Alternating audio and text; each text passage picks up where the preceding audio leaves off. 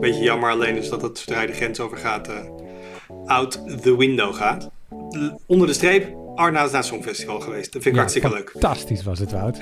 dat is ook vooral wat ik heb onthouden, ja.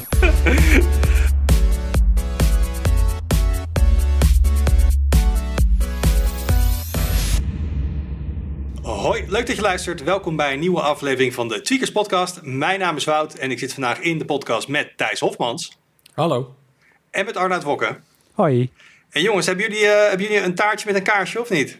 Slingers ik, had het eigenlijk moeten rondsturen. Hippie het is de derde verjaardag van de AVG. Iedereen's favoriete verordening. Want iedereen heeft natuurlijk een lijst met favoriete verordeningen. Ik heb het idee dus... dat je het ironisch zegt, maar voor mij is dat echt... ja, ik weet dat dat voor jou echt waar is. Uh, drie jaar geleden, je, je, weet het misschien bijna niet meer... maar toen kreeg je natuurlijk van die, nieuw, van die mailtjes al... mogen je blijven mailen? Consent here, please. Mm -hmm. um, en er is behoorlijk wat gebeurd in die, in die laatste drie jaar op dit vlak. Dus we gaan daar uh, vooral met Thijs, aangezien het, wat hij net al geeft... dit is zijn hobby... Um, gaan we met Thijs daar, uh, daar uitgebreid over hebben. Maar eerst natuurlijk de highlights. Uh, nou, Thijs, voordat je zo meteen over je hobby mag praten, wat is dan jouw highlight? Ja, andere hobby van mij is uh, gefrustreerd raken over Linux. Um, Ook heel leuk. Want daar ja. heb je natuurlijk als gebruiker altijd toch een haat-liefde verhouding mee. Uh, maar deze week was uh, Microsoft Build, de ontwikkelaarsconferentie van Microsoft. Mm -hmm. En uh, die hebben aangekondigd dat zij dat je binnenkort Linux-applicaties als met een GUI kunt gaan draaien op Windows. Um, en Linux en Microsoft, dat was natuurlijk uh, jarenlang niet echt de meest favoriete combinatie. Uh, maar een paar jaar geleden zijn ze daar natuurlijk helemaal op overgestapt. En toen hebben ze dus het, uh, het Windows Subsystem voor Linux aangekondigd, waarmee je dus Linux distro's kon draaien op Windows. Maar dat kon alleen nog via de command line. En nu hebben ze daar dus een, een GUI aan toegevoegd. Dus dan kun je gewoon Linux-applicaties zien terwijl je ze gebruikt op Windows. En het eerste wat ik dacht was, wat super vet. En daarna dacht dat, ik eigenlijk meteen van, wat, wat, moet ik hier eigenlijk mee? Maar is dat los van uh, het, het, het moeder operating system? Dus stel jij binnen WSL heb jij een Ubuntu instance draaien.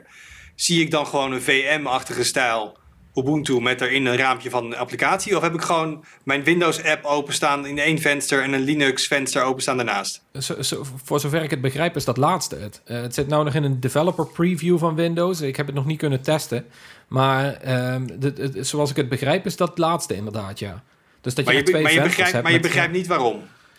Nou, ik, kijk, ik zal, niet de laatste, ik zal de laatste zijn die zegt dat het compleet nutteloos is. Er zijn vast heel veel mensen die hierom zaten te springen. Maar ik ging voor mezelf bedenken van... welke applicaties zou ik nou op Windows willen draaien... die ik echt niet op Linux kan missen. En dat waren er echt heel weinig. Maar ik denk dat er voor, zeker ben voor, jij, voor ben jij dan ook wel, een, uh, ben jij een diehard Linux gebruiker? Nou, niet zo diehard natuurlijk. Niet, niet diehard genoeg. Maar ik denk dat dit dus vooral voor ontwikkelaars heel interessant is. Dat zag je ook uh, in de comments terug onder ons artikel dat we erover hadden geschreven. Er waren vooral developers die daarvan wel de meerwaarde inzagen met PHP-applicaties of zo. En ja, daar, daar weet ik net niet genoeg van om dan te zeggen dat dat nuttig is. Uh, dat, daar geloof ik ze meteen mee. Um, maar ja, ik, ik denk dat dat het vooral is. Ja, ik zie meteen een, een, een opmars hier, heel veel opmars, of een opstap naar eindelijk een manier om gewoon Android-applicaties goed native op Windows te draaien. Want dat is natuurlijk ook al, probeer al heel lang. En dan krijg je dus hele brakke emulators als uh, BlueStacks en zo. Dat moet dan twee minuten opstarten, weet ik niet wat. En WSL is tegenwoordig zo'n mooi onderdeel van Windows. Dat als je daar nog eventjes de, de, de Android runtime nog ergens in kan proppen. Eventjes. Eventjes, baby steps. Kopen er ja. wel. Dan zou, dan zou je dit misschien wel het makkelijker moeten maken om gewoon echt in een venster um, een Android-app te kunnen draaien. En dat is iets wat mij wel interessant lijkt. Er zijn best wel dingen tegenwoordig die um, gewoon niet op de desktop bijna te gebruiken zijn. Ik bedoel, kijk naar. Um, nou, ik denk tegenwoordig bijvoorbeeld toen Instagram uitkwam. Dat was echt gewoon een app. En je hebt nu tegenwoordig in de browser kun je daar ook wel dingen mee. Maar ze willen je constant naar die app sturen. Denk aan iets als Clubhouse of zo, wat nu helemaal hip is. Best wel -hmm. diensten tegenwoordig die gewoon app-only zijn. En als ik dat gewoon netjes, als ik gewoon achter mijn uh, PC zit op mijn ultrawide, ook in een venstertje open kan zetten. Dat zou ik ook. Maar dat is nog eventjes een paar stappen verder. Dus nu is het inderdaad Linux apps. Ja. Um, en ja, ik moet heel erg zeggen, ik, ik zit een beetje in, in jouw hoeken nog wat meer dan richting. Ik snap het niet, maar dat is omdat ik ook geen Linux gebruiker ben. Um, ja, ik, ik, ik, dus ook, ik gebruik, het, ik gebruik wel Linux, maar dan zit ik alsnog gewoon voornamelijk in de browser en in mijn tekstverwerker. Dus zoveel doe ik daar nou ook weer niet mee. Maar ehm, ja, qua, qua visuele applicaties, ja, ik heb er eigenlijk heel weinig. Sterker nog, ik denk juist dat het andersom veel interessanter zou zijn. En daar zag ik ook wel een paar comments van. Er wordt straks de vraag of je gewoon eigenlijk een Linux-kernel hebt, maar dan met een Windows-subsystem voor Linux. Nee, andersom. Een Linux-subsystem voor Windows. Maar dan zou je dus Linux draaien met daarbinnen in Windows. Maar ik denk dat Microsoft... de- Kijk, Microsoft is natuurlijk heel erg van het ontwikkelaars knuffelen de laatste jaren. En van het Ja, Linux-fans knuffelen. Dat is maar heel het erg wensdenken. Ja. Maar het hele idee is natuurlijk wel, Windows is de basis. En we gaan daar dingen bovenop doen. En niet, wij gaan nu ehm, Linux-gebruikers helpen om de Windows-kernel binnen Linux te booten of zo. Dat heeft natuurlijk Nee. helemaal geen voordeel voor ze. Het is eerder wishful thinking inderdaad, maar je zou kunnen denken dat met de stappen die ze de afgelopen jaren hebben gezet. En eerlijk, eh, Windows Subsystem voor Linux alleen al, wie had dat tien jaar geleden kunnen denken? Ik weet toen dat, toen dat echt, dat is echt vanuit die, ik weet niet of dat rechtstreeks die lijn te trekken is, maar van echt van het Balmer Microsoft en het Satya Nadella Microsoft, dat is echt wel anders. Ik weet niet of het aan die personen ligt, maar wel ongeveer bij die omschakeling zag je wel dat daar echt een verandering eh, ja, plaatsvond. Absoluut. En het, het, het hele idee, ik bedoel, het, had gedacht toen dat ze GitHub zouden overnemen? Ik bedoel, ja, ehm, precies. Eh, en, en, en ze had natuurlijk ten tijde van, eh, van Vista, zo ook bij de consument, was het allemaal echt, nou, eh, Windows, dat, daar, daar, daar spuugden mensen af en toe een beetje op en zo. Windows 10, zijn er mensen die een probleem hebben met Windows 10? Die gewoon zeggen, ik vind Windows 10 stom. Ik bedoel, mensen vonden, Ja. ja? Ja mensen dat- vonden Windows Vista stom. Windows 8 vonden mensen heel stom, maar vinden mensen Windows 10 ook stom? Zeker, vanwege de telemetrie die erin zit. En het feit dat je, als je het bijvoorbeeld gewoon eh, de setup gaat draaien met een internetverbinding aan, dat die dan heel erg pusht richting een eh, Microsoft-account in plaats van een gewoon lokaal account. Dat Dat klopt, bedoel, ja. het zijn geen fundamentele problemen. Of Nee, zo. maar dat, ik ben met je eens. Dat zijn denk ik wel problemen van andere aard. Volgens mij zijn de mensen bij Windows 8 en Windows Vista. Ik vind het niet lekker om dagdagelijks mee te werken. Mhm, Gewoon ja. het hele werken ermee. En nu zit het meer in, oké, als ik eenmaal Windows 10 geïnstalleerd heb en geboot en ik ben aan de slag, prima. Maar inderdaad, er zitten wat dark patterns in de, in de setup. Ehm, en zijn we hier wel een beetje aan het pushen. Dat ben ik helemaal met je eens. Dat is Ja, wel... en eh, de, de, inconsistente, de inconsistente UI wordt nog vaak genoemd inderdaad. Maar ik denk dat het grootste probleem vooral inderdaad die telemetrie is. Dat is inderdaad heel frustrerend. Maar inderdaad, bui- buiten dat qua functionaliteit... Is het, is het vooral, ja, de minuutjes zien er overal anders uit nog steeds. En dat is stom. En daar hinten volgens mij Satya Nadella ook op tijdens beeld. Dat ze later dit jaar, dat weten ze natuurlijk ook al, dat ze echt wel met een grafische overhaul willen nou komen. Of in ieder geval een goede update om het wat meer te stroomlijnen, gelijk te trekken. We hebben natuurlijk al, hè, ik denk hoe, hoeveel, hoeveel kun je schrijven over icon packs en icoonvernieuwing in Windows. Maar dat is toch toch elke keer veel om te doen van de, de Windows 3.11 icoontjes gaan er nu echt uit. En ze hebben nu echt een keer alles geïnventariseerd en echt elk icoontje opgepoetst. Eh, maar ze hebben natuurlijk enorm veel legacy. Ja. Ehm, dus misschien Ja. het idee dat het wat inconsistent is, dat het ook later dit jaar wat, wat, wat minder wordt. Ja, ik Maar- wil inderdaad gewoon heel graag zeggen van... Hè, fix dat nou gewoon eens. Maar ja, dan zit ik eventjes tegen Microsoft te vertellen... hoe ze hun OS ver- verbinden. Ja, Ja, vroeger, vroeger kon je gewoon bij, bij. Apple, bij Apple in ieder geval gewoon Steve Jobs mailen. Dan kreeg je nog soms wel kans dat je gewoon een een one-liner teruggemaild kreeg. Ik weet niet of Satya dat ook doet. dat is Nooit om erachter te komen. Ja, ga jij nou eens gewoon Satya mailen en zeggen... Hey Satya, gast, fix it. Maar aan de andere kant, Wout, als je nou een nieuwe Windows-functie van de afgelopen jaren zou moeten noemen, zijn er niet WSL, want daar hadden we het net al over. Welke grote nieuwe functie is er dan bijgekomen? Hoeveel liefde heeft Windows nog gekregen afgelopen jaren? Oeh, dat vind ik wel een, eh, een goeie. Want veel van de functionaliteit die ik nieuw heb gezien, dat is ook niet per se waar ik dan op zit te wachten. Dat is meteen van hoe zet ik het uit. Ik moet zeggen, de echte eh, Windows-liefde zit in, in het PowerToys team voor mij. Dat is natuurlijk, ehm, het is twee, drie jaar geleden weer een, een groep developers op het, het PowerToys pakket gezet hebben. Dus voor de echte power user iets wat je installeert waar allemaal toffe dingen in zitten. En dat is echt gewoon elke keer als ik daar changelogs van zie, denk ik, ja, jullie hebben gewoon, you read my mind, zeg maar. Dit is precies het soort nerdy power user dingetjes waarvan ik wilde jullie tijd in stoppen. Maar dat, dat, ja, dat positioneren ze wel heel duidelijk als iets optioneels. Ehm, Verkijk je ook niet op hoe, eh, hoe goed Edge eigenlijk is. Maar ik had een paar jaar geleden, vond ik, dat, vond, ik, vond ik dat echt heel vet. Alleen nu, toen dacht ik van ja, eindelijk weer eens een browser die misschien met Chrome kan gaan concurreren. Maar ja, Edge is natuurlijk Chromium nu, dus Ja, helaas. Maar ja, je krijgt ik- er wel een goede browser voor terug. Dus als, als het je on the surface niet zoveel uitmaakt hoe dat eruit ziet, But not Sur- intended. Surface. On the surface. Microsoft- Ha, ja. ha, ha. Maar als je dat niet zo heel veel uitmaakt, dan heb je aan Edge wel een goede concurrent boven wat er al was.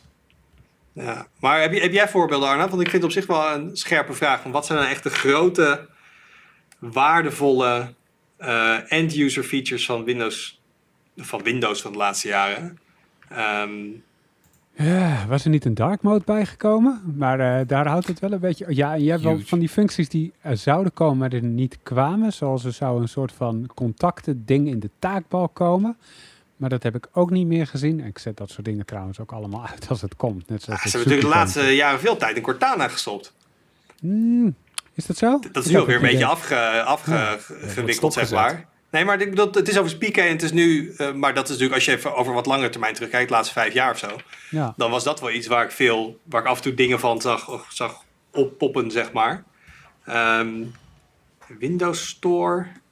Maar die komt nu ook, wordt ook helemaal vernieuwd nu natuurlijk, dat er gewoon Win32 apps in kunnen. Heel veel, heel veel van die dingen werden aangekondigd als, als the next big thing.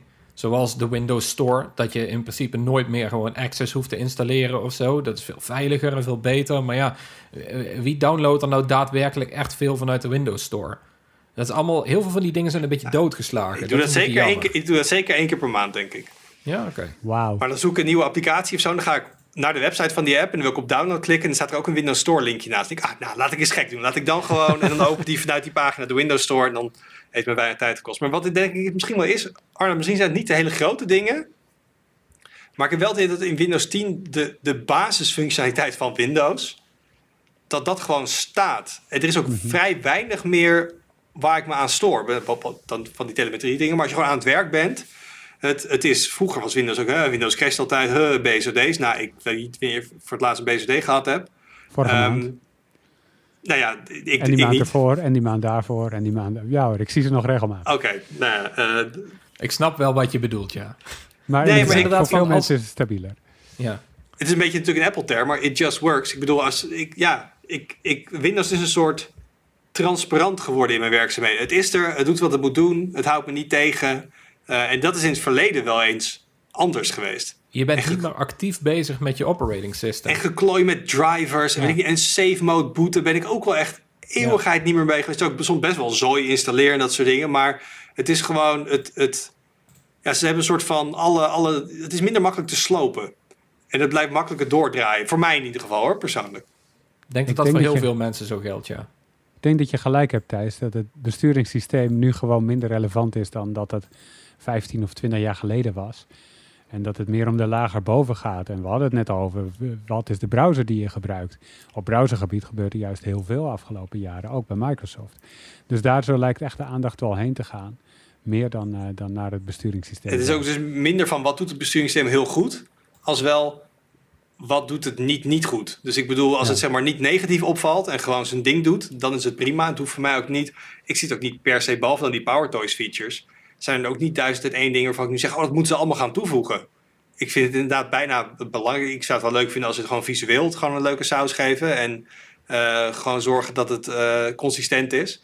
Maar dus, ja, als, als consumenten eindgebruiker zijn er vrij weinig dingen op dit moment. Ik denk dat dagdagelijks valt me dat echt op. Of zit me dat Ja. dwars. Ik weet niet of jullie dat wel hebben. Maar Nee, eigenlijk niet, nee. Ja, ik gebruik Linux, hè, zei ik al. Dus, eh, maar ik snap, en je hebt inderdaad wel gelijk. Ja, Maar je zit vast ook wel eens op Windows, toch? af en toe Dual, wel, ja. du- dualbootje? Nou, dat is het probleem dus. Linux heeft nog steeds sommige apps niet die je op Windows wel hebt. En ik zal je vertellen wat ik dus het meeste mis aan Linux gebruiken. Dat is Paint. Ik, heb echt, ik mis Paint zo erg. Want Je hebt Paint doet een paar dingen die je op, met Linux apps wel soort van kunt, maar echt gewoon snel Dit een is het moment waar ik moet zeggen dat Nee. je gewoon GIMP moet draaien, toch? Nee, maar dat is dus niet hetzelfde. Sowieso is het veel zwaarder.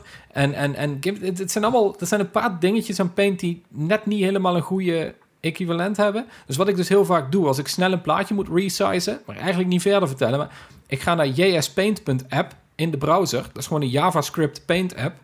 En dan resize ik mijn plaatjes daar. Dat werkt soms. Zal ik jou... Sneller. Ja, oké, dat is Linux. Want ik als Windows gebruiker heb PowerToys geïnstalleerd voor de Power User. En dan hebben ze dus als onderdeel van PowerToys gewoon een resizer in het contextmenu zitten. Dus ik doe gewoon rechtermuisknop op een plaatje. En ik zeg resize, geef dimensies op, bam, gedaan. Ja, mij. Kijk. Ik, eh, Ja. ik ga weer van Linux af. Ik ga terug naar Windows. Thanks. Oké, nou mooi. Hebben we dat gedaan? Afgevinkt. Eh Arnoud, wat is jouw highlight? Ja, ik, eh, ik heb een highlight die over het... Het zijn twee dingen die eigenlijk over hetzelfde gaan. Eh, want het is hetzelfde. Corona-check. Daar wilde ik het over hebben. Al een tijdje niet meer over gehad. Maar het is er nu. Het werkt. En vorige week heb ik het ook daadwerkelijk zelf gebruikt. Want eh, ik Was je bij een Field Lab event? Ik was bij een Field Lab event. Was je bij Namelijk- het Songfestival? Ik was bij het Songfestival. Oh, maar dat is ook echt wel. helemaal jouw ding, of niet? Jazeker, maar daar gaat het niet over. Ehm, Oh, Oh, maar dat nou, vind ik gewoon wel heel. Ik zie gewoon helemaal jouw gezicht stralen terwijl je dit ja, vertelt. dat is leuk. Ja, ik vind... En, het- nee, ja, goed. Eh, ik kan heel lang doorgaan over het Songfestival. Maar in ieder geval, ik zat naast het podium. Dus ik zag ook hoe die acts, zeg maar... Want die zie je dan op tv en zo. Hoe ze dat tussendoor doen. Dus tussen die filmpjes door. Dat was echt heel vet. Want Ahoy, waar het was in Rotterdam... Dat heeft een, een vloer met allemaal leds erin. Dus, het is, eh, dus ze kunnen er van alles mee. En tussen die acts door verschijnen dus allemaal cirkeltjes op de vloer. Zo van, die persoon moet daar staan. Dat decorstuk moet daar staan. Dat had ik De gezien markers inderdaad. voor de camera's zitten, zitten erin. Ja, dat was echt heel cool. Bijna een soort AR, maar dan zonder bril. Maar wel een soort... Ja, Ja. De, de realiteit werd gehackment, inderdaad. Nee, dat, dat, is, dat is in de act zelf. Dus dan zie je iets op tv wat er niet in het echt is. Maar dit was echt voor de voorbereiding van die acts. Zodat de, de dansers en de achtergrondzangers wisten waar ze precies moesten staan. Om goed in beeld te komen. En dan, eh, nou ja, dan kon de act beginnen, ging het licht uit, licht aan en dan begon het. Ja, dat vond ik gewoon super vet om te zien hoe ze dat op een makkelijke eh, high-tech, low-tech manier hadden opgelost eigenlijk. Met, eh, met dat soort dingetjes. Maar je hebt, je hebt daar, om, daaromheen heb jij de corona-check-app gebruikt. Ja, ja. En eh, ik dacht van, ik, ik, ik wilde, ik, ik ging niet naar het Songfestival omdat ik het wilde uitproberen, maar ik vond het wel leuk om, om, om dat ook te doen. En het werkt dus, precies, ik dacht eigenlijk dat het met DigiD zou werken. Dat doet het dus helemaal niet. Je krijgt eh, via de mail dan een testuitslag. Je laat je testen op de dag zelf. Daar staat een code in. Nou, die code moet je knippen en dan plakken in de Corona Check app. En dan maakt hij een QR-code. Kan je ook offline eh, kan je die weergeven, zodat je geen internetverbinding hoeft te hebben bij zo'n evenement zelf. En dat kan heel voordelig zijn, want Ahoy heeft prima dekking. Maar als je ergens op een evenement staat in the middle of nowhere, dan is dat niet gegarandeerd. Dus dat kun je gewoon al thuis doen en dan neem je die QR-code mee. Het is gewoon scan, bliep. Eh, het scherm wordt ook iets feller op het moment dat je dat, eh, die QR-code laat zien. En dan is het, eh, dan is het klaar. En nou ja, bij, die, bij zo'n iemand die, die dat checkt, daar staat een corona-check scanner app. Maar dat zit dus niet per se aan jouw persoon gekoppeld. Je hoeft je niet te identificeren. Want stel dat ik jouw mailpassword heb. Mhm. Jij krijgt die uitslag binnen. Ik heb zo'n verified code. Dat, die code zegt eigenlijk groen vinkje. En ik Ja. vul die code heel snel in in mijn corona-check-app. Ja, er zit nog wel een stapje tussen. En dat is namelijk dat je een sms, niet triggeren Thijs, ik weet het. Een sms met een code toegestuurd krijgt. En eh, die code moet je invoeren. Nou, Ja. klinkt super veilig, toch, Thijs? SMS. Nou, ik vraag me wel af, van, want dit zit nog steeds niet in de corona-melder-app. Ik weet dat er toen sprake was dat dat wel zou Nee. komen, maar... Nee, komt het ook niet. Maar ik, ik vind het dus opvallend dat je over de ontwikkeling van die corona-melder-app, mijn god zegt, daar hebben we echt weken op gezeten. En, en wij ook gewoon allemaal stuk over geschreven. Die met die hackathon en, eh, of die appathon. En hoeveel er over de, de veiligheid en de, de privacy en security aspecten van die app gingen. Terwijl achteraf, dat was misschien echt best wel overtrokken. Terwijl dit soort dingen, dan hoor ik inderdaad van, ja, je krijgt een sms. Dan denk ik weer van, ja, inderdaad. Eerste wat ik wel denk is van, is er nou geen enkele ontwikkelaar die daarvan heeft gezegd van, kunnen we dat niet op een iets veiligere manier doen of zo? Nou, het is toch een soort van, ik denk dat dat de reden is hoor. Het is een tweede factor die Ja, iedereen is- kan gebruiken. Tuurlijk, absoluut. Maar ik, ik vraag me gewoon af waarom er eigenlijk in het algemeen zo weinig discussie is over deze app. Omdat inderdaad, er zitten wederom best wel wat privacy aspecten aan waar je wel vraagtekens bij kan stellen. Ja, we hebben, we, blijkbaar hadden we genoeg energie om over privacy en veiligheidsaspecten van corona-apps te praten. Maar we hebben het allemaal in de eerste gestopt. en toen kwam de volgende app en toen waren we het een beetje over uitgepraat, leek wel. Ja. hadden een beetje, een beetje beter kunnen uitspreiden over de twee. Maar Thijs, het is niet alleen daar dat je een sms-code krijgt. Ook als je die testen voor toegang doet, hè, dat is een sneltest, een antigeentest, krijg je de uitslag eh, binnen een half uur of een uur. En dan krijg je een mail van, je uitslag is er, klik hier. En dan klik je daar. En dan kom je weer op een pagina die zegt, hé, hey, we hebben je een sms-code toegestuurd, vul die hierin. En dan krijg je een sms'je met een code die je moet knippen en plakken. Dus ook daar zit de sms-stap tussen. Dus ja, ik, uh, ik dacht ook gelijk van, oh ja, blij dat Thijs in de podcast zit, dan kan hij zich daarover verbazen. Ja, want ik vond het. Ja, kijk, sms is natuurlijk niet inherent meteen super onveilig. Um, ik, weet, ik, ik weet niet wat je in dit geval zou je misschien een brief kunnen sturen met wat, wat wel een stuk ja, veiliger is, denk ik. Voor de sneltest werkt dat niet, een, een, sneltest ja. bij een event, ja, Precies, dan dat krijg je dat. Dus, moet pas snel opschieten. Ik vraag me dus af van welke afwegingen dat er allemaal zijn gemaakt... en welke andere opties dat je had kunnen doen. Want je had ook kunnen zeggen van... We hebben, een, we hebben een beveiligingscode gestuurd naar je... mijn berichtenbox van mijn overheid. Zoiets, weet je wel. Er zijn vast wel andere opties die dit veiliger kunnen doen, maar ja... Nou, of wat Arnoud zegt. Ik, ik zou het ook niet gek gevonden hebben... als hij ergens een link met DigiD was. Ja. Ja, dat inderdaad. Maar ja, DigiD kun je dan weer koppelen aan een persoon... en dat is misschien ook wel niet... Ja. Ja, want uiteindelijk is het dus niet terug te koppelen. Arne, jij hebt dus gewoon die app. En daar staat een mhm. QR-code op. En die scannen zij, dan gaat die groen. En zij weten voor de rest niet wie je bent. Of jij gevaccineerd bent. Of dat het een PCR was. Of een antigeentest. Nee. Want dat zijn de drie dingen die voor mij jouw, jouw vakje groen kunnen laten kleuren, toch? Nee, uh, op dit moment is het alleen nog echt uh, zo'n test die het vakje groen kan laten kleuren. Daar komt ook vaccinatie bij. Maar uh, wat degene aan de andere kant ziet, is dus initialen en iets van een geboortejaar, of nee, een geboortedatum, maar niet het jaar. Dus in mijn geval staat er een AW en er staat een datum bij wat dan mijn verjaardag is. En met, dan moet je ook je paspoort overhandigen, want dat is gewoon bij een evenement. Dat is gewoon checken of je binnen mag. En zij kunnen dus checken of die gegevens kloppen met wat er in die QR-code staat. Dus zo weten ze ook dat, degene, dat ik diegene ben geweest die die QR-code heeft laten maken. En dan mag je doorlopen. Maar het feit dat ze je paspoort vragen, dat is een keus van de Songfestivalorganisatie. Mm En het is niet per se dat overal waar je dan eventueel in de toekomst deze app moet gebruiken, dat ze altijd een ID-bewijs erbij vragen. Nee, dat is volgens mij geen verplichting, nee. Maar het is wel een manier waarop dit systeem redelijk veilig kan werken. Ik bedoel, het, het, dat paspoort, die paspoortgegevens, die worden niet, het paspoort wordt niet gescand of zo. Het is gewoon iemand die letterlijk met de eigen ogen kijkt van oké, ik heb gegevens hier, ik heb gegevens hier. Nee, op, op dit moment niet, maar zet er een hoge resolutie camera achter de schouder van die persoon. Ja. En je legt zo een database aan van uh, wie wel niet uh, daar was en welk vinkje je had. Ja. Dat is natuurlijk ook hè, het feit dat we, dat we hier kunnen, kunnen gaan freewheelen over de beveiliging van die app, waar we eigenlijk misschien ja, dat, daar, weten, daar weten slimmere mensen vast meer van. Maar het feit dat je heel casual zegt van... ja, ik heb natuurlijk wel mijn paspoort moeten laten zien... maar ja, dat is nu eenmaal zo. Het feit dat we dat al als normaal zijn gaan, uh, gaan vinden. Maar goed, dan komen we in een discussie die we misschien niet hier moeten voeren. Nou, dan heb ik nog een andere discussie voor je, Thijs. Want uh, uh, waar Wout al een beetje naar hinten is... er komt ook vaccinatieinformatie in corona-check. Althans, hij moet ook groen kunnen kleuren als je gevaccineerd bent... Um, en in Nederland kan dat dus allemaal met de gegevens die ik net noemde. Hè? Dus je initialen en een datum zonder geboortejaar. Dus met zo min mogelijk gegevens om het toch te kunnen checken. Maar zodra je gaat reizen naar het buitenland, ligt dat anders. Want uh, uh, er zijn internationale afspraken gemaakt over hoe je met een digitaal groen certificaat kan reizen. Dat is de, de Europese naam ervoor. In Nederland gebruiken we daarvoor dus uh, vanaf juni of juli corona-check. Dus stel je voor, je gaat met vakantie, je vliegt naar nou, noemen ze mooie, mooie plekken. Griekenland. Griekenland, heel mooi. Je komt op zo'n mooi Grieks eiland aan en ehm, je wil laten zien dat je, dat je inderdaad geen corona hebt of niet vatbaar bent of hoe je dat ook zou willen uitdrukken. Dan uh, moet je ook zo'n QR-code hebben, maar daarin staat meer. Namelijk als je gevaccineerd bent, staat met welk vaccin dat is geweest en wanneer dat is geweest, plus nog wat extra persoonsgegevens. Want dat is Europees zo afgesproken, dus dan komt dat alsnog in die corona-check-app. Uh, Wij zijn gewoon dik overruled door Europa daarin. We zijn dik overruled door Europa, ja. ja.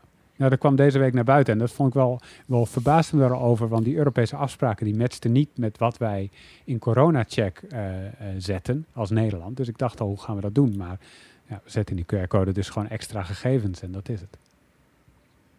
Thijs, thoughts? Ik, ik heb het idee dat, dat je hier niet echt iets over kunt zeggen zonder het meteen heel politiek te maken. Ik vind het natuurlijk aan de ene kant wel een, wel een, ja, ik vind het een creepy gedachte, maar überhaupt, uh, dan kom je op het hele, hele debat van moet je laten zien of je gevaccineerd bent om ergens binnen te komen en zo. Dat, ja, nou, wat wat ik vooral heel raar vind, dat er dus in staat waarmee je gevaccineerd bent. Want uiteindelijk, het, de hele boodschap die natuurlijk uitgedragen wordt vanuit de medische industrie is vaccins werken. Hè? Ik bedoel, er, worden, er zijn toch helaas uh, mensen die, die daar allemaal gekke dingen over verspreiden.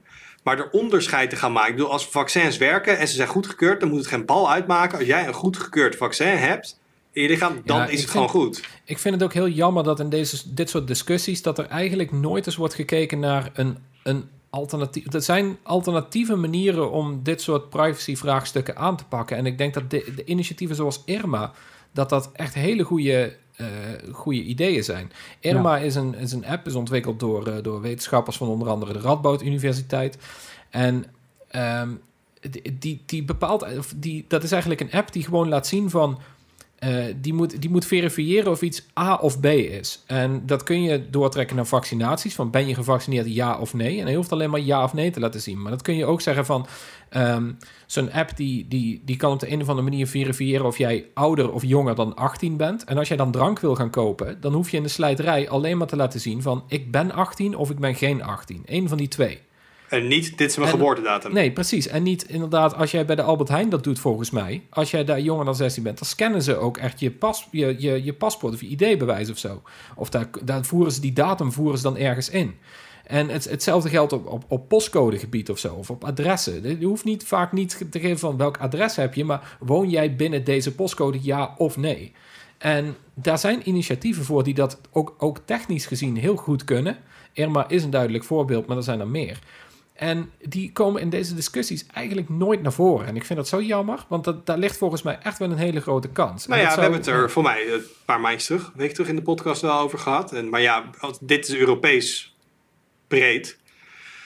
Ja, ik denk dat al de uitdaging is al om binnen Nederland hier meer mee te doen. Eh, laat staan om dat, eh, om dat binnen Europa voor elkaar te krijgen. Eh, Irma is trouwens wel overwogen hoor, bij het ministerie van VWS voor, eh voor corona-check. Alleen er was een vereiste, en ik weet niet meer welke, dus nazoeken is ook lastig nu, eh, nu we in een podcast zitten. Maar er was een vereiste waar Irma niet aan kon voldoen en daardoor is dat het niet geworden. Maar eh, het, is een, het, is, het is wel in overweging geweest in elk geval. Oké.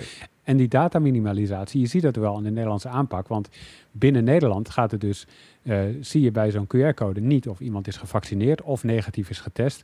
Of recent een, een corona-infectie heeft doorgemaakt. Eén van die drie is goed genoeg voor een vinkje. Binnen Nederland zie je niet welke dat is. Alleen Europees is die, is die, is die eis dus komen te vervallen. In de onderhandelingen is dat gesneuveld, zei het ministerie. Ehm, en is, staat dat er dus wel bij. Maar Nederland heeft dus wel echt ingezet op die dataminimalisatie, zodat je echt zo min mogelijk medische gegevens deelt. nou, dat Ja, vind ik ook de, de mooiste aanpak. Beetje jammer Ja. alleen is dat het zodra je de grens over gaat, eh, out the window gaat. Ja, Ehm, maar in ieder geval, l- onder de streep, Arna is naar het Songfestival geweest. Dat vind ik Ja, hartstikke leuk. fantastisch. Dat is vooral wat ik heb onthouden, ja. Ik heb stiekem, eh, ik heb stiekem twee. Ik heb een, een kleine highlight en een, een meer een discussie eh, highlight. Ehm, ik heb iets gekocht naar aanleiding van targeted advertising. en dat vond ik al ehm, bijzonder. Want ik ben altijd die die zegt van ja, waarom eh ze hoeven mij geen ads te laten zien? Ik klik toch nooit op ad. Dat klopt ook op de gemiddelde website. Daar heb ik een mooie, mooie blindheid voor ontwikkeld. Maar ik, ehm, ik pakte laatst mijn Kindle op. En ik heb zo'n ding, je kan het dan kopen zonder advertenties op het lockscreen. En, en Mhm. voor een paar tientjes extra en voor een paar tientjes minder krijg je dus, als hij uitstaat, staan advertenties op. Ja, lekker boeiend. Kost geen stroom, het is e-ink. Dus ik pak dat ding, ik wil hem aandoen. En dat ding, op basis van de hoeveelheid sci-fi boeken ik lees, zegt het is een nieuw boek van Andy Weir. En misschien ken je Andy Weir niet, maar misschien heb je wel de film The Martian gezien met Matt Damon. Ja. eh, of het boek gelezen. En ik, een nieuw boek van Andy Weir, dat wil ik hebben. Dus ik heb echt gewoon dat ding aangezet en meteen gekocht. Voelde me een klein beetje vies. Ik denk, ik heb nu gewoon iets gekocht naar aanleiding van Target Advertising. Aan de andere kant, het bewijst wel, heel af en toe werkt het en is het echt in het voordeel van, eh, van de consument. Ehm, maar ik ga voor de rest helemaal niks over het boek vertellen. Behalve als je sci-fi tof vindt en als je de Martian tof vond. eh, dat je dit zeker moet lezen. Ehm, wat ik heel tof vond aan de Martian is dat dus er zoveel weten. Het is gewoon science, science, science. Alles wat idee was wetenschappelijk gebaseerd. Wordt uitgelegd hoe het dan zou werken wetenschappelijk. En het is een heel ander soort verhaal. Maar dat zit hier ook weer in. Dat gewoon die enorme... Ik zie gewoon elke keer als ik een pagina lees... zie ik hem gewoon een soort van giddy achter het toetsenbord... weer zitten we, ik ga weer iets wetenschappelijks uitleggen... via mijn boek en via een scène van mijn karakter. Dus als je dat soort dingen tof vond... bij deze, een leestip. Het heet Project Hail Mary... En het is van, eh, van Andy Weir. Het is voor mij begin deze maand uitgekomen. Dus anders was ik daar misschien ook pas veel later achter gekomen. Dus eh, thanks, advertising industry. nice. Wat ik eh, interessant eh, vond deze week... is een, eh, een interne, of een gelekte memo van, van Huawei... waarin stond, ja, een hardwarebedrijf zijn is best lastig als er allemaal sancties tegen je gedaan zijn op hardwaregebied. Wij gaan ons omtoveren tot softwarebedrijf. Um, hè? Dacht ik, zeg maar, want als zeg maar Huawei ergens, nou ja, even eerlijk, ook gewoon in misschien hoe dat tegenwoordig was. Ik heb niet recentelijk Huawei-toestellen gebruikt, maar het idee was toch altijd een beetje van de consumentenkant. Huawei, vette hardware, maar jammer van die software. Um, en dat toch wat zij deden met Android of iets anders, dat dat, dat toch niet echt een, een pluspunt was. Dat ze niet echt daar. Het is niet hun expertise, om het zo maar te zeggen. Wat is heel groot? Hun netwerktak. Al die, die grote telecomnetwerken. Dat is ook groot. Er moet wel software op draaien, maar dat is grotendeels hardware. Dus dit is een bedrijf dat draait op hardware. Dat eigenlijk nooit heeft bekendgestaan als echt softwarebedrijf of daar heel veel uh, indruk mee gemaakt. En dat dan ik snap dat ze ergens gedwongen worden, maar dat je dan denkt van ja, we gaan. Ik, ik, Arnoud, zie jij dit als levensvatbaar, zeg maar, Huawei als softwarebedrijf? Oeh, ja, het is een beetje in markten die ik slecht ken, dus dat weet ik niet. Um, maar ja, uh, het is. Ik, het lijkt me een lastige draai om te maken. Want wat je zegt, de markten waar ze echt groot zijn, daar hebben ze dat echt gedaan op basis van wat ze zelf in elkaar hebben geschroefd en voor welke prijzen ze dat kunnen aanbieden. En software is wel echt een ander spelletje. Um, en bovendien, als ik, jij hebt het nu over telefoons, maar ook over een netwerkapparatuur heb ik geregeld gehoord dat hun software niet altijd de allerbeste was. Als in, um, was bijvoorbeeld een jaar of tien geleden, was er in Groot-Brittannië er heel gedoe over, is, zit er een backdoor in? En uiteindelijk was, hadden ze het onderzocht en was de conclusie, ja, het was gewoon slordig geschreven software eigenlijk. En dat heb ik een paar keer ben ik dat tegengekomen in, als ik, als ik uh, dat soort dingen over Huawei opzocht. Dus ja, ik, uh, ik, ik, ik, ben er ook twijfelachtig over. Aan de andere kant, ja, wat is je andere weg hieruit? Want ze hoopten natuurlijk ontzettend op als er een nieuwe Amerikaanse president was. Nou, dan zouden die sancties wel worden opgeheven.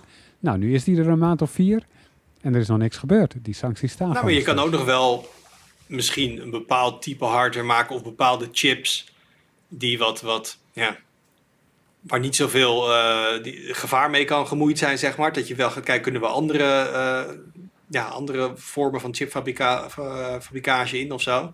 I don't know. Het is gewoon hetgeen waar je gewoon eigenlijk onbekend staat, daar ben je niet zo goed. En dat je denkt, ja, daar gaan we onze eieren op zetten te komen. Ja, ik bedoel, het is ook heel ambitieus. Um, maar het, het is, ja, ik zit een soort analogie te bedenken. Ik zou denken, ja, is het als Apple zegt, we gaan een groot advertentiebedrijf worden? Ja, oké, okay, dat, dat is ook niet waar ze goed in zijn, maar het is ook niet waar ze slecht in zouden zijn eventueel. Maar ik, um, ik, ik zie hem niet echt, denk ik. Uh, ik zie ook niet wat ze anders zouden moeten. Um, want natuurlijk voor zo'n groot bedrijf is de optie... we gaan gewoon inkrimpen totdat we een heel klein bedrijfje zijn... is geen optie. Nee. Dus dan gaan ze kijken waar zit de groeimarkt. Nou, het is wel een optie. Het is alleen niet wat je van tevoren gaat zeggen in een interne memo natuurlijk. En, nee. uh, en ze hebben natuurlijk, ze hebben volgende week de grote presentatie van Harmony OS. Hun, uh, hun eigen besturingssysteem. Voor de mensen op YouTube, ik doe inderdaad air quotes. Want uh, naar het zich nu laat aanzien, is dat een Android fork een beetje gelijkwaardig aan hun skin EMUI. Of ja, EMUI, zo spreek je het volgens mij uit. Alleen dan met wat meer eigen sausje eroverheen nog. Alleen, nog meer. Ja, ja nog meer, ja.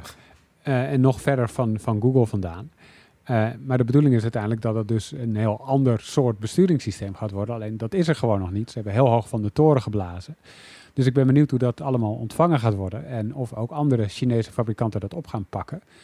Uh, want daar hangt het wel een beetje vanaf. Als het echt een legitieme concurrent kan worden voor Android, zoals Google dat maakt, of in de open source versie daarvan, alleen al binnen China, en ze daar Chinese fabrikanten mee kunnen krijgen op een soort golf van, van, van nationalistische gevoelens. Ja, want als ze dus zelf de hardware niet meer gaan maken, dan zou je dus krijgen dat je een Xiaomi-telefoon hebt met een Huawei OS. Ja, bijvoorbeeld. Precies. Ja, en voor mij was Meizu was een van de bedrijven die wellicht mee zou gaan. Nou, dat is hier geen enkele naam van betekenis. Misschien heb je er wel eens van gehoord, maar misschien ook niet. Um, maar als meer van dat soort bedrijven die in China heel groot zijn erachter gaan staan, dan heb je wel degelijk iets. Uh, maar ja, de vraag is ook hoe onafhankelijk het dan is van Android, hoe het zich door gaat ontwikkelen de komende jaren. Of ze inderdaad onafhankelijk van, van Google uh, het, nieuwe dingen kunnen blijven ontwikkelen die gelijke tred houden met de open source versie van Android. Ja, dat is allemaal de vraag. Ik, Veel vraagtekens ik, dus. Ik, ik, hoop vooral gewoon dat uiteindelijk uh, die supermachten er toch ergens uit aan gaan, gaan, komen. En dat er misschien wel iets weer van die druk en van die, die dat dat verlicht gaat worden. Want ik vind het gewoon een groot gemis. Ehm, en dan moet, dat, we moeten heel erg goed oppassen met wie we zaken doen in de wereld en, en wat er allemaal gebeurt met je data. Dat absoluut. Maar als je kijkt hoe, wij gewoon de andere, in ieder geval in de telefoonsector, de fabrikanten achter de broek heeft aangezeten de laatste paar jaar. En echt heeft hè, mensen op scherp heeft gezet, wat ze hebben gedaan met designcamera's. Um, ja, het, het, is gewoon, het is dodelijk voor de concurrentie. Ja, nu is Honor er nog wel. Dat was hun dochtermerk natuurlijk. Die hebben ze verkocht aan een consortium onder leiding van de overheid van Shenzhen. Uh, zeg ik uit mijn hoofd, een regio in China. Um, en daar is, als ik het goed heb begrepen, toch ook wel een deel van het camerateam heen gegaan. Dus wellicht dat daar nog wat vuurwerk zit aan te komen. Maar ja, geen Behalve dat, dat onder dan natuurlijk het volgende merk is wat ergens op een lijst gaat. Als het rechtstreeks aangestuurd wordt vanuit de Chinese overheid. Ja. dat was een beetje het hele probleem van de Huawei. Oké, ehm, laten wij doorgaan naar uh, ons hoofdonderwerp, Hippipura, de, de derde verjaardag van de, de AVG.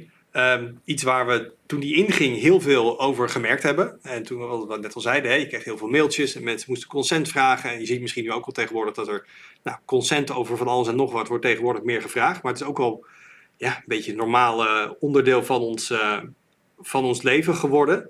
Um, Thijs, hoe, hoe zijn bedrijven hier nog veel mee bezig? Hebben we een soort van voor jouw gevoel een soort overgang gemaakt? Is het nu business as usual? Is dit normaal? Want ook een beetje het idee dat allemaal kleine bedrijven... die zouden echt enorm in de problemen gaan komen... want die hadden dan niet de middelen om dit allemaal hier aan te voldoen. Waar, waar, waar staan we eigenlijk na drie jaar? Ja, er is destijds inderdaad ook een enorme industrie ontstaan van allemaal consultants en, en, en bedrijfjes die allemaal advies gingen geven. En dat was dan het idee van die gaan jou AVG compliant maken, zoals dat toen zo mooi heette. Ehm, ik, denk inmiddels dat de meeste bedrijven of zo'n cursus hebben gevolgd of inmiddels zelf wel hebben uitgevogeld hoe het zit. Dus eh, ik denk dat inmiddels wel best wel wat bedrijven inmiddels op de hoogte zijn van de AVG en ook wel ruwweg weten wat ze er ongeveer mee moeten.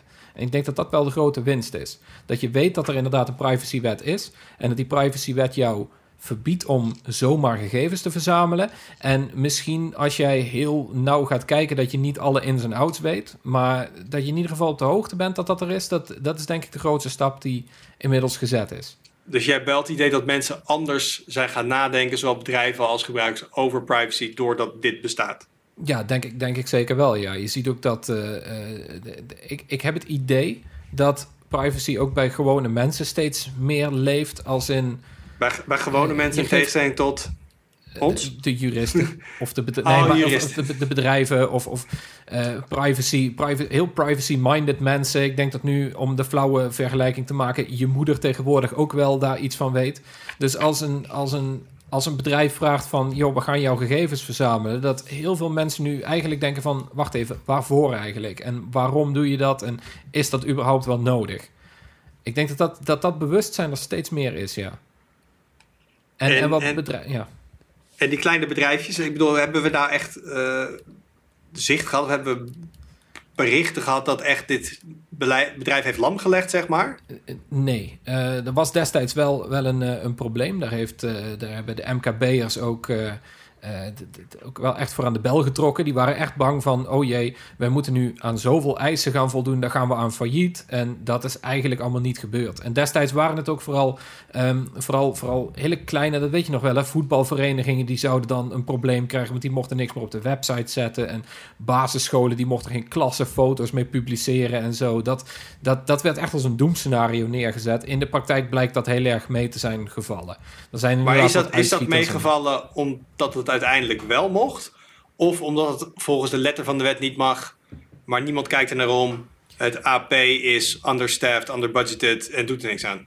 Ja, dat, dat laatste vooral een beetje. Want ehm, ehm, zeker het eerste jaar dat, het, uh, dat de AVG er was, uh, dus in 2018 en begin 2019, toen, dat was echt nog eerst dat de AP had gezegd van ja, technisch gezien mogen we boetes gaan geven, maar dat gaan we niet doen. We gaan eerst voorlichting geven en vertellen van zo moet je het doen.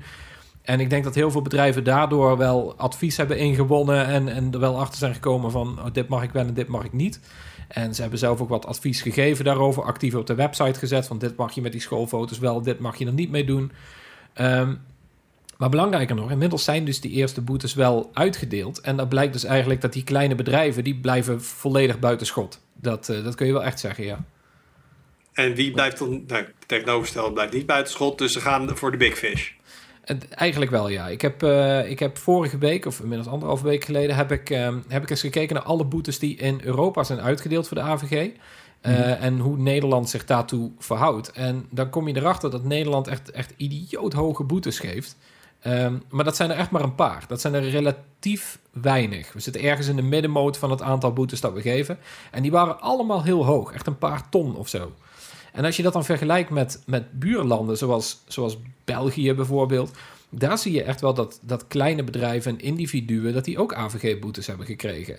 Echt waar? Dan heb je het, ja, dan heb je het echt over um, uh, mensen die bijvoorbeeld een camera voor de deur hadden gehangen, gewoon een bewakingscamera, maar die filmden dan de weg. En dat mag niet. En in, Nederland, in Nederland, in Nederland deelt de politie ze gewoon uit. Ja, precies ja. In Nederland is dat, ja, precies, dat is heel krom. Maar in België heeft daar een stel een boete voor gekregen van 1500 euro of zo.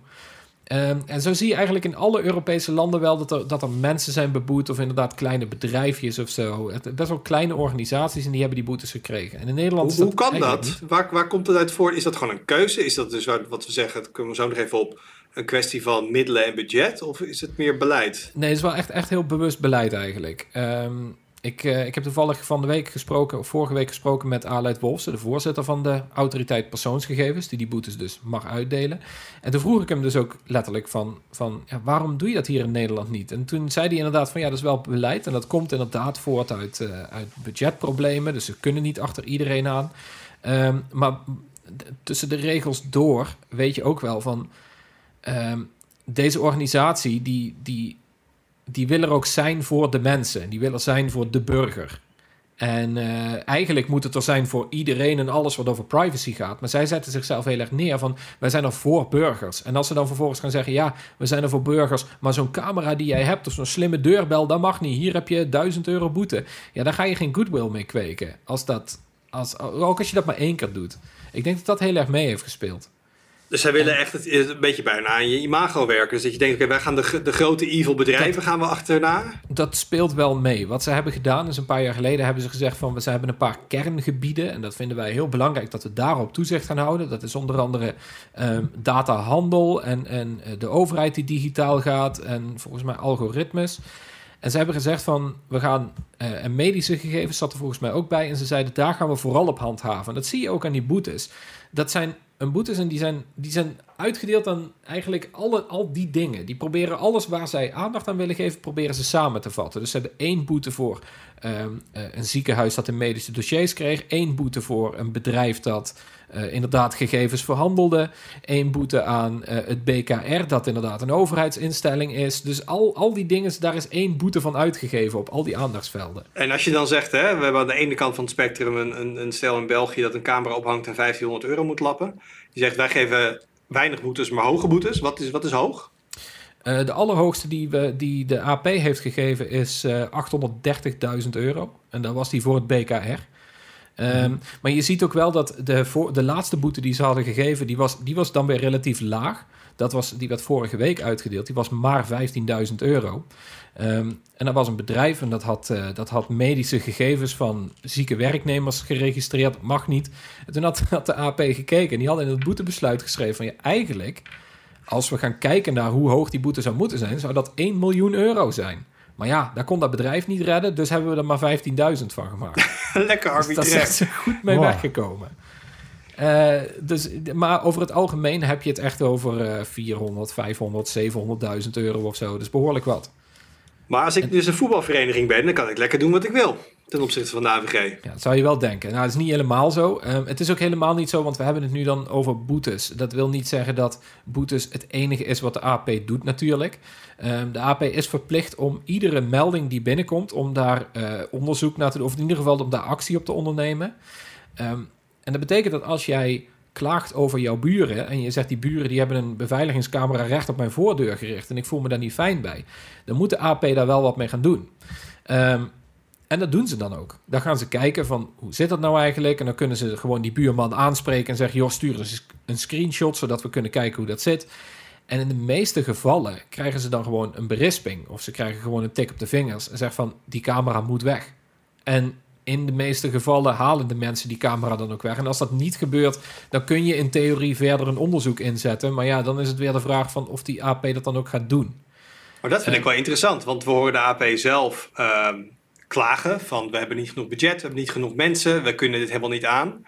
Maar je zegt tegelijkertijd, als ik nu bel en zeg of schrijf, mijn buurman heeft een camera, ik vind het relaxed, dan hebben ze dus wel de tijd om daarop te reageren. Nou, de tijd is een uh, goede, dat is juist niet, want je moet daar wel vijf maanden op wachten. Dat is de gemiddelde Oh. wachttijd voordat de AP jouw klacht oppakt. Soms is dat zes maanden, zeven maanden of zo.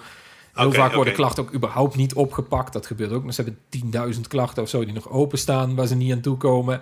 Dus nee, het is niet helemaal zo dat je ermee weg kan.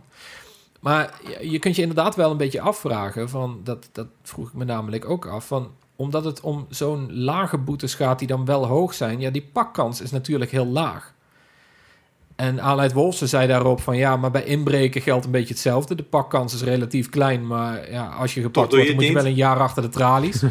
Eh, ik weet nog steeds niet zo goed wat ik van die vergelijking vond, maar eh, ja, misschien zit daar wel wat in. Nou, meneer Wolfsen, dan ga ik maar inbreken. Goed idee. Ja, nou je het zo zegt. Maar hoe zit dat met die, eh, die, die onderbezetting hè, waar zij het over hebben? Ehm, Ja. dat, dat horen we nou al een tijdje. Voor mij zijn er ook, is het trouwens ook een geluid dat we uit heel Europa horen van dit soort eh, instanties dit toezicht moeten houden. Ja. Eh, ik weet dat ehm, we hebben natuurlijk net onze, onze verkiezingen gehad. En je hebt toen een heel stuk geschreven hoe de verschillende partijen daarin stonden. Ehm, eh, hebben wij het idee dat de politiek, de AP, meer centjes met mensen gaat toeschrijven de komende jaren? Of moeten ze doen met wat ze hebben? Of welke kant gaat dat op? Wa- waarschijnlijk wel de meeste partijen, ehm, inclusief de VVD. Dus dan zit je toch wel met de grootste, die waarschijnlijk ook wel regeringspartij wordt. Maar de meeste partijen die zijn er wel over eens dat de AP meer budget moet krijgen. Dat hebben ze vorig jaar ook gekregen. Toen is een budget van, uit mijn hoofd, 18 miljoen naar 24 miljoen euro per jaar gegaan. Dan konden ze gaan groeien naar 100, 400 FTE of zo. Ehm, dus de meeste partijen willen dat wel. Alleen Sander Dekker, de minister van Rechtsbescherming, die gaat daarover. En die heeft nou eigenlijk gezegd van... eh, de definitieve beslissing daarvan, die valt, die, die, dat wordt voor het nieuwe kabinet. Ehm, Ja. En dan dacht de AP van, oké, dat is mooi, dan gaan we daar ook voor. Die hebben nou een brief geschreven naar de informateur.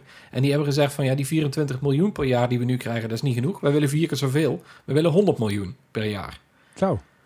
En, hebben ze eh, daar dat- een, een onderbouwing bij van waar dat dan heen gaat? Ehm, nee, en, maar ik vroeg hem dan van, ik vroeg Wolfsen van, als je nou straks die 100 miljoen krijgt, wat ga je dan doen als eerste? Maar het gaat eigenlijk naar de hele linie toe, want het moet gewoon overal gebeuren. Aan de ene kant is het inderdaad de, de afdeling die klachten moet afhandelen en in behandeling moet nemen, eh, meldingen moet opschrijven, die moet groter. Maar van de andere kant ook de afdeling die onderzoek moet doen en boetes moet gaan doen, die moet ook groter. En dan zijn er ook nog, is er een afdeling vol met techneuten en die moeten dan gaan bepalen van, eh, laatst was er bijvoorbeeld een boete over wifi-tracking. En dan moet er iemand gaan bepalen van ja, is een wifi-tracking dat gehashed wordt? Is een ding dan nog, is dat nog anoniem of is dat eerder pseudoniem? Dat zijn allemaal begrippen die moeten worden uitgelegd. En daar moet je, daar moet je technologische mensen voor hebben of echte juristen die dat, die dat allemaal weten. Die afdeling moet ook groter. Dus het gaat eigenlijk naar gewoon de hele linie van de AP. toe. Gewoon opschalen om alle, alle Ja, in, verzoeken in aan te eigenlijk kunnen. ieder, ja, in ieder veld. Maar mag ik iets stoms vragen, Ja. Thijs? Als ze, als ze budget verhogen en ze hebben dus meer capaciteit om boetes uit te delen, is een budgetverhoging dan niet in feite budgetneutraal? Als in, het kost niks extra's netto? Eh, ja, misschien inderdaad voor de belastingbetaler op de lange termijn is dat inderdaad zo. Daar weet ik ook niet genoeg van. Nou, ik kan me voorstellen dat die Maar 18 naar economisch- 24, die, die boet je er misschien nog wel uit. Maar als we van 24 naar 100 miljoen gaan, dan moet je 76 miljoen euro over de looptijd van dat budget aan boetes uitdelen.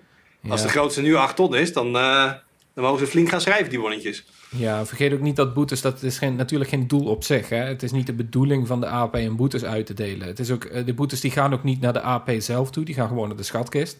Ehm, Hmm. In sommige Europese landen is dat uit mijn hoofd wel anders. Daar, eh, daar zijn boetes, die gaan wel direct naar het budget van de, A- van de toezichthouder. Dus die houdt zijn eigen broek daarmee omhoog. Ja, dan krijg je Dat is natuurlijk wel een- wel een perverse prikkel, is dat. Precies, dat dus dat wel wil de AP ook heel bewust niet. Ehm, maar, maar zoals ze altijd zeggen, van, het is niet het doel op zich om boetes te gaan uitdelen. Het is de bedoeling dat mensen geen privacy-overtredingen meer doen. Dus wat je heel vaak ook ziet in die, in die boetebesluiten, is dat ze bij een be- bedrijf komen en dan zeggen ze van, ah, dit mag je niet doen. En dat bedrijf gaat daar dan alsnog mee door. Ja, dan krijg je wel een boete, ja. Maar heel vaak, dan gaan ze een onderzoek doen. En als je dan zegt van dit mag niet of dat mag niet, dan, ja, dan, of dan krijgen ze een last onder dwangsom. Die worden dan ook opgelegd. Een soort voorwaardelijke boetes. als je doorgaat, krijg je die boete alsnog. Dus ja, ik denk, ik, ik- we hebben het graag over die boetes, omdat het ook natuurlijk heel concreet is. Dat vind ik ook wel heel fijn, want je kunt echt heel duidelijk aanwijzen van dat is er gebeurd en dat niet. Maar ehm, ja, het is geen doel op zich. Hey, en dan hebben we ook nog als ehm, eh, toevoeging op de AVG, of de opvolger van, of het vriendje van, de, de, de e-privacy verordening. Eh, Hoe haakt Ja. dat hierin? En gaat dat nog eh, hier in, deze situatie iets veranderen de komende tijd? Ehm, in theorie zou het dat wel moeten doen, maar het is maar de vraag wanneer die er eindelijk gaat komen. Eh, de- de e-privacy-verordening is eventjes, als je dat niet hebt meegekregen, en die kans is volgens mij vrij groot. Ehm, Als AVG soort- niet je hobby is. Ja, Precies. Ehm, dan is eh, de e-privacy-verordening is, is, is een aparte verordening, net zoals de AVG dat is. Ehm, die staat technisch gezien los van de AVG, maar het is eigenlijk wel een soort een beetje een aanvulling daarop. Want de AVG gaat over alles wat over persoonsgegevens staat. Heel ruw, kort door de bocht. Ehm, dat gaat over alles wat persoonsgegevens is. Van wanneer mag je die verzamelen? Wat mag ermee gebeuren als je die eenmaal hebt verzameld? Welk recht heb jij als persoon om die weg te doen? En de e-privacy regels die regelen eigenlijk digitale communicatie. En dan heb je het over onder andere de cookie wall. Eh, dat is een hele belangrijke, maar ook eh, eh, digitale communicatie. Dus wanneer spamlijsten, dat soort dingen.